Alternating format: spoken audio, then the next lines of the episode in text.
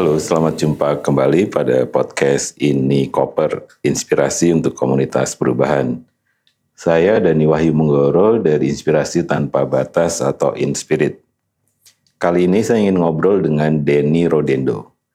Denny adalah co-fasilitator pelatihan Vibrant Facilitation yang kita sudah lakukan 34 kali dan Denny selalu support dari mulai awal jadi dia termasuk orang yang sangat setia.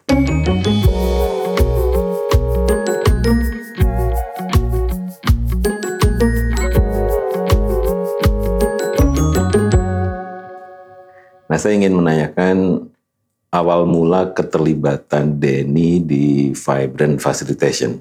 Hai Den. Halo Mas. Ya, saya pengen awal-awal dulu nih sebagai nostalgia gimana sih ceritanya terlibat di dalam kerusuhan Vibrant Facilitation itu? Eh, ya saya kenal Inspirit mungkin tahun apa ya, 2003 kalau nggak salah ya. Itu awalnya saya sedang kerja di satu uh,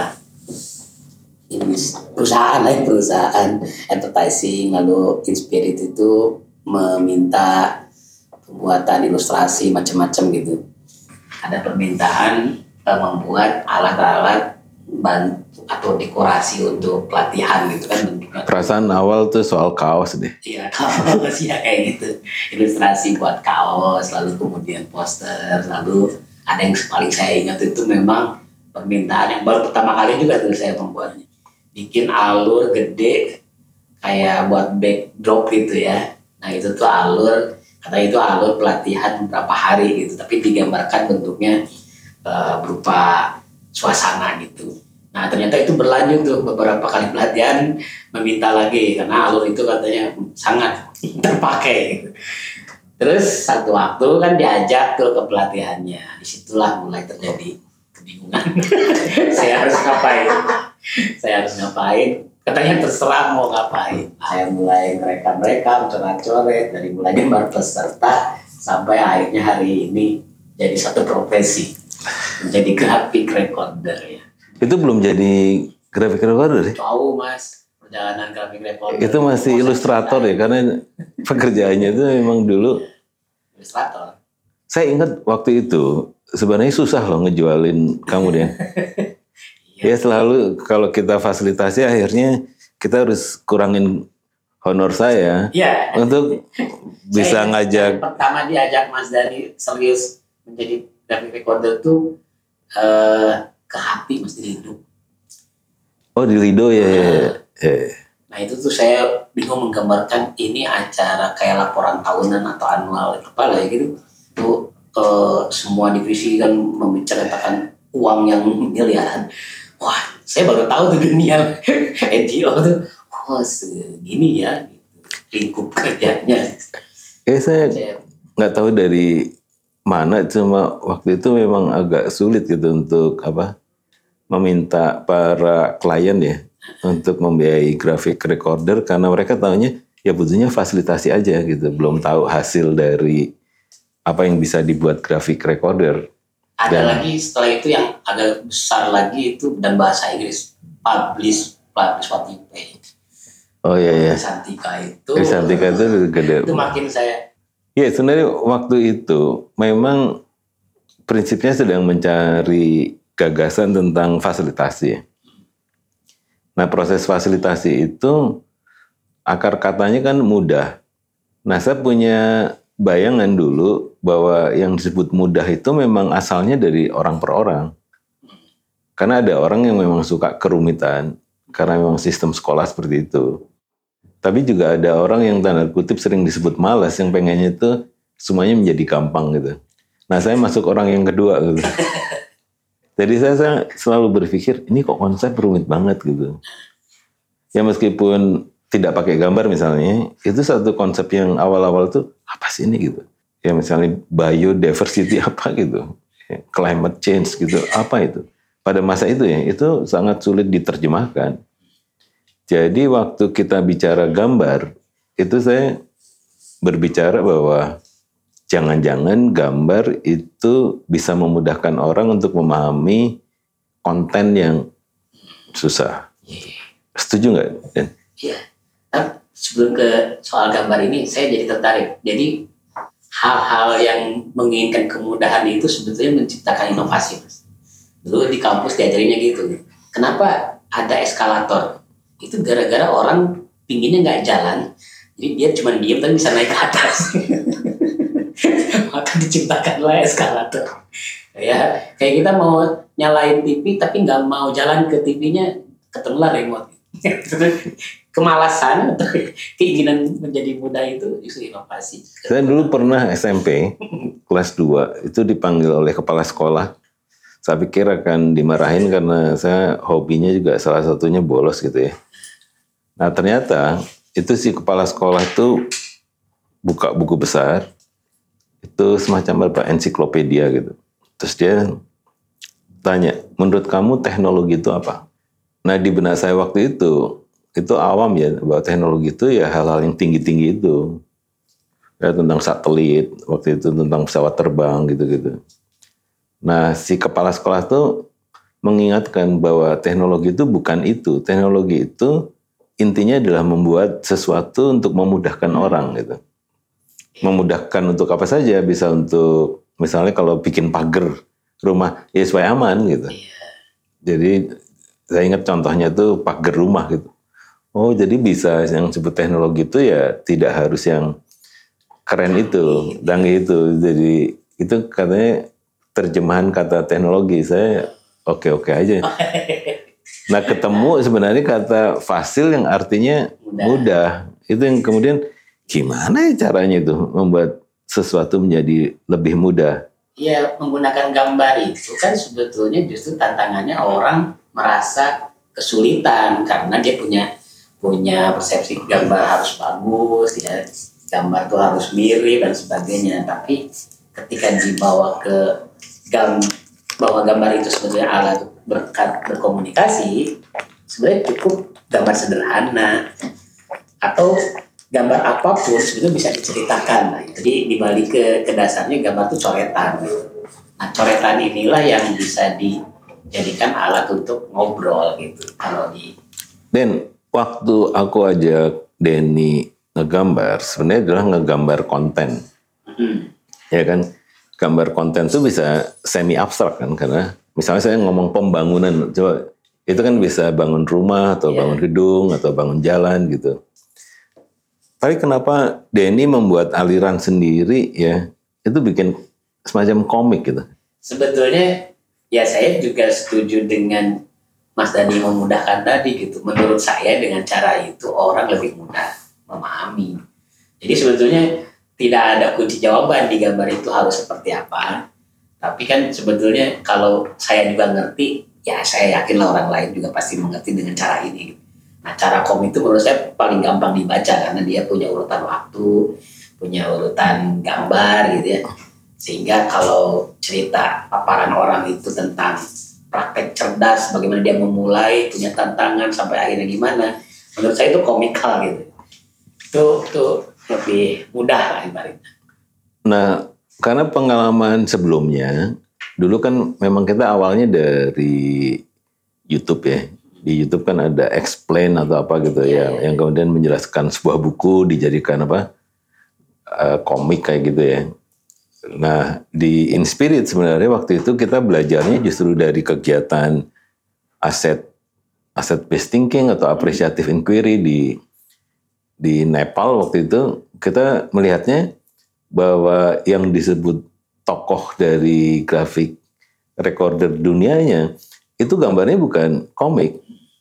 Jadi hanya simbolik-simbolik saja untuk kemudian kita kadang dari yang karena udah kebiasaan lihat Denny ini apa ya apa? gitu gitu dan dan saya bilang sebenarnya kalau untuk grafik recorder itu yang jadi inovasi di Denny justru itu Den. Bentuk komiknya. Karena ada juga yang di Malaysia ya. Kita pernah di Malaysia itu grafik recordernya dari Singapura. Itu juga bukan komik, ya. cuma gambar muka orang kayak waktu ya. waktu awal-awal itu gambar muka orang, kemudian ada beberapa ah, apa gitu aja. Jadi nggak ada teksnya tuh masih apa? Masih kuat gitu. Iya. Nah, perkembangannya gimana, Den? Apakah Denny merasa puas dengan gambar komik itu sebagai style atau ada cabang-cabang gitu di di grid sendiri untuk bisa membantu orang sebenarnya lebih dalam ya untuk belajar sesuatu gitu. Eh, tadi yang saya sampaikan kalau apa namanya di dunia gambar atau dunia seni rupa itu kan tidak ada kunci jawaban ya mungkin eh, peluang dia untuk membuat banyak varian banyak cara dan sebagainya itu terbuka banget dan saya juga eh, menginginkan untuk terus ya mengembangin mengembangkan sekarang ini ada visual scribing gitu ya Iya. karena dia punya empat layer gitu untuk menggambar bahkan mungkin lebih. Jadi bisa jadi eh, apa namanya apa eh, kita bisa eksperimen gitu. Kalau merekam satu paparan itu ada empat penggambar dan masing-masing bisa diberikan satu eh, layer yang berbeda. Yang satu nangkep fakta-fakta gitu ya. Apa yang diucapkan itulah yang digambar. Yang berikutnya makin dalam dan yang makin dalam ini yang keempatnya juga bisa jadi yang yang tidak diomongin orang tapi dia bisa nangkep apa sesuatu yang yang lebih dalam lagi gitu. Ada disebutnya generic image gitu. Jadi dia harus kayak seniman gitu udah udah si tangan tuh penting gitu untuk lebih bebas kayak menari gitu. Jadi udah mulai explore sih sebetulnya Ya saya ingat di teori U ya itu Iya, yang di betul. lebih banyak eksplorasi itu sehingga ada juga penggambarannya itu dalam teater kalau nggak salah ya. iya. Ya kan pakai tubuhnya gitu. betul. Ya jadi tubuhnya untuk eh, nah itu juga tapi sebenarnya itu jadi pertanyaan saya selama ke graphic recorder atau bikin video teman-teman yang bikin videographer gitu. Itu kan banyak proyek akhirnya menggunakan jasa para graphic recorder dan videographer ya jadi ada proyek yang sebenarnya selama lima tahun mungkin nggak jelas ngapain gitu tiba-tiba setelah digambar tuh oh keren nih proyek ya gitu atau oh video setelah lihat videonya oh gini ternyata gitu jadi waktu itu saya sebenarnya refleksi juga kenapa nggak dibangunnya sejak awal kan? Jadi justru waktu udah mau habis itu diminta digambarkan sehingga gambar itu tanda kutip membantu ya Iya. Untuk menjelaskan lebih lanjut tentang bagaimana intervensi itu dilakukan. Nah, saya sebenarnya pengen maju ke tahapan berikutnya.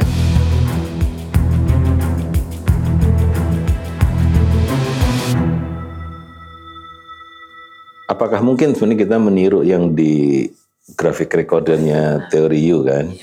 dan Si- dengan tafsir sendiri ya. Karena kan kita nggak tahu Iya. sebenarnya harus bagaimana. Tapi menurut saya menarik untuk explore gitu ya cara cara merekam. Karena kalau kata grafik sendiri itu udah terpatok grafik itu terdiri dari gambar dan teks. Tapi masalah dominannya yang mana persentasenya itu juga nggak ada aturannya. Kalau saya sebenarnya pengen men-challenge gini, dan selalu di dalam sebuah gambar itu kalau dulu Butsi ya. Itu mengingatkan kan bahwa kalau lihat gambarnya Den itu selalu ada yang baru, selalu yang bisa dieksplorasi. Jadi saya dulu pernah juga sama Agah tuh di acara KPPA, itu meminta ada di gambar yang sudah digambar itu selalu disediakan ruang kosong. Ruang kosong itu semacam kalau ini lah. gambar ya, ini- dia ada ditutup gitu. Di balik ini itu tafsir sebenarnya. Apa sih kira-kira gambar yang pas gitu? Itu bisa apa sih? Ada mungkin mobil, ada ada orang jatuh atau segala macam. Ya bebas saja. Karena untuk melengkapi si cerita besar ini sehingga jadi mel- melengkapi gambar si yang besar ini untuk bagi saya sebenarnya menarik untuk melatih imajinasi karena itu boleh jadi misteri, bisa jadi masa depan, bisa jadi sebuah sinyal yang nggak nggak ditangkap pada saat sesi itu karena orang menyampaikan sebuah materi di dalam satu sesi itu kan dia udah me- apa, menghilangkan banyak hal kan karena waktunya pendek gitu. Mungkin yang lengkapnya tuh di bukunya atau di segala macam, tapi waktu dia menyampaikan misalnya 15 menit, itu pasti hanya poin-poin penting yang masih banyak yang tersembunyi. Nah kadang gambar itu bagi saya adalah membantu untuk teman-teman bisa lihat nggak ada yang belum terlihat loh gitu. Nah itu kemungkinan hal-hal seperti itu mungkin kan? Iya, sangat mungkin banget ya. Apalagi kalau mungkin yang gambar itu kan bisa jadi terlibat pesertanya, ya bisa jadi ikut mencoret di sales apa space yang tadi tersedia itu gitu. Dan karena Mas Adi sering ngomong manusia itu memiliki kemampuan visual prosesor kan sebetulnya. Ya kalau bicara setiap kata itu dibayangkan di kepala itu sebenarnya ada gambarnya. Nah itu kalau diusahakan mencoret, mungkin orang kan karena terbatas dengan kemampuan skill gambar itu jadi, jadi takut. Padahal kalau dikeluarin aja apa yang dibayangkan gitu itu bisa jadi menarik, mem, apa namanya ya, mem, mem, memperkaya atau melengkapi gambar yang kalau saya yang gambar kan udah pasti ya ini kalau saya juga ini kosa gambar saya ini ya perbendaraan gambar yang saya miliki. Tapi kalau misalkan bisa dikolaborasikan dengan uh, teman yang lain sesama penggambar bisa dengan peserta bisa itu mungkin akan jadi hal baru juga pada hasil sebenarnya yang menarik mungkin ada proses belajar interaktif ya. Iya. Di fasilitasi proses itu kan selalu ada masa lalu, masa kini, masa depan. Yang susah sebenarnya adalah itu adalah melihat masa depan. Jadi masa depan tuh memang tidak semua orang nggak bisa lihat juga. Karena itu di teori U kan ada yang turun ke bawah gitu loh. Si masa depan tuh kayak harus ada perenungan kemudian memanggil-manggil gitu. Yang kemudian gambarnya sendiri sebenarnya adalah ya belum tentu belum tentu terlampau jelas gitu. Ya. Bisa apa nih? Gambar-gambar blur aja, abstrak aja gitu.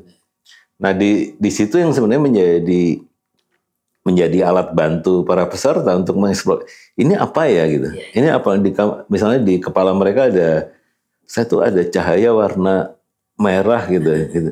Ya, ya boleh aja. Tapi yang menarik sebenarnya adalah itu apa ya?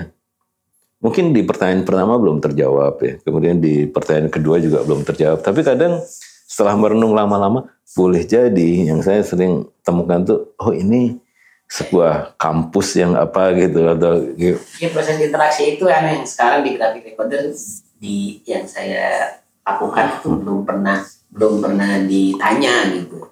Yang ada kan paling di komen aja, oh ini kurang huruf ini, kekel ya grafik recorder kan gitu tuh. Dan buat saya sendiri sekarang sangat sangat merasa tidak apa namanya ini saya udah gambar seharian hanya dilihat doang kan juga kayaknya gimana gitu cuma di foto foto gitu udah 20 tahun lah kalau hanya dipuji gambarnya bagus tapi kalau ternyata kemudian dijadikan alat berdiskusi wah itu menarik banget sih apa kalau saya muncul ide gini Den jadi kamu bikin gambar tuh antitesisnya. Jadi yang nggak diomongin tuh di gambar. Kalau dia naik kita ngomongin turun. Jadi kan orang nggak gini kok, nggak gini. Nah, itu kemudian menurut saya jadi sesuatu yang menarik. Tapi saya pernah, tapi ini pengalaman yang mungkin eh, nggak uh, tahu nyambung atau enggak ya. Dulu ada sesi impian. Nah peserta itu kan masa desanya berkeinginan punya bandara segala macam yeah. kan. Udahlah saya gambar besoknya ada donor datang kan ini temanya tentang hutan bagaimana hutan lestari kok nggak ada mimpi hutannya semuanya tentang bandara dan sebagainya terus nyalahin saya kamu ada nyalahin saya saya dengerin mereka bu. Itu pas berarti salah fasilitatornya dipecat loh mas. Karena fasilitator tidak mengarahkan oh, gimana? Itu kesalahannya apa tuh mas? Tapi itu sebenarnya kalau menurut saya kan nggak ada yang salah kan? Tentang imajinasi kan. Nah, apakah yeah. kemudian makanya di kalau nggak salah di brand sprint gitu kan kita bicara tentang ya kalau udah ada bandara apa dong? Iya yeah. kan? Kenapa sih harus bandara-bandara? Itu pasti jawabannya yeah. yeah. menuju ke hutan juga. Ya itu kaget karena ini temanya tentang menyelamatkan hutan, tapi mimpinya tidak ada hutan ya mungkin belum sempat ke sana ya kan. Iya why-nya itu. Sebenarnya ini satu teknik fasilitas yang ah. perlu dikuasai ya, kan. ya kalau, kalau gambar itu kemudian tadi jadi alat diskusi. Ya karena dia hanya simbolik aja. Ah. Kan di belakang itu kalau kita tanya why, kan ketemu. Ya ini untuk angkut hasil bumi. Hasil buminya itu dari mana? Hutan hutannya bagus atau buruk gitu misalnya ya. Itu. Berarti kan Oke, jadi thank you Dan untuk ngobrol tentang visual ya di dunia fasilitasi karena ini masih punya kemungkinan-kemungkinan ke depan lah bagaimana melakukan visual apalagi kalau sekarang itu dengan adanya chat GPT gitu kita nanya apa aja udah dijawab gitu teks juga kan terus kita kalau pakai Canva ngetik nah, gambar yang pengen kita ingin Bandung alun-alun ada masjid ada matahari ada awan biru ya gambar bisa buatin. dibuatin gitu sama si apa si Canva gitu. Jadi di sini kan menjadi challenge kita sebenarnya untuk membantu orang bahwa bagaimana kita bisa mengimajinasikan masa da, masa depan ya. Itu bisa pribadi, bisa tim, bisa organisasi, bisa komunitasnya. Untuk sama-sama kita mewujudkan masa depan yang yang berbeda dengan sekarang dan lebih keren gitu esensi dari gambar adalah alat bantu untuk memudahkan kita melihat masa depan. Saya lebih fokus ke sana ya, karena kalau untuk melihat masa lalu kan udah sama-sama lihat. Ya, kamu naik mobil apa dulu? Ya, rumah kamu kayak apa? Kan bisa dijelaskan lebih. Tapi masa depan, kamu mobilnya mau seperti apa? Itu aja sudah menjadi tantangan yang apa ya? Paling dia pasti kena bias. Oh, saya pengen ini, pengen itu yang udah dilihat sehari-hari gitu. Tapi belum tentu dia membayangkan mobil listrik atau apa nih atau semua rumah itu penerangannya pakai tenaga matahari dan sebagainya kadang itu butuh pemicu-pemicu seperti gambar gitu dan. Apa sebenarnya nasihat buat peserta nih yang untuk ikut Vibrant 34 Vibrant 34 saya yakin nih Inspirit akan mengeluarkan jurus-jurus baru. Bagaimana menjadi fasilitator yang ya bisa jadi salah satunya adalah menguasai visual thinking ya Oke. menggunakan uh, visual untuk menjadi alat bantu untuk peserta. Paling tidak peserta harus diberikan tips dan trik ya Iya. untuk memanfaatkan imajinasi imajinasi visual di dalam proses fasilitasi. Yes. Oke, demikian tadi ini koper kali ini. Kami di ini koper selalu percaya bahwa berbagi apa pun akan bermanfaat bagi komunitas perubahan. Sampai jumpa pada edisi berikutnya.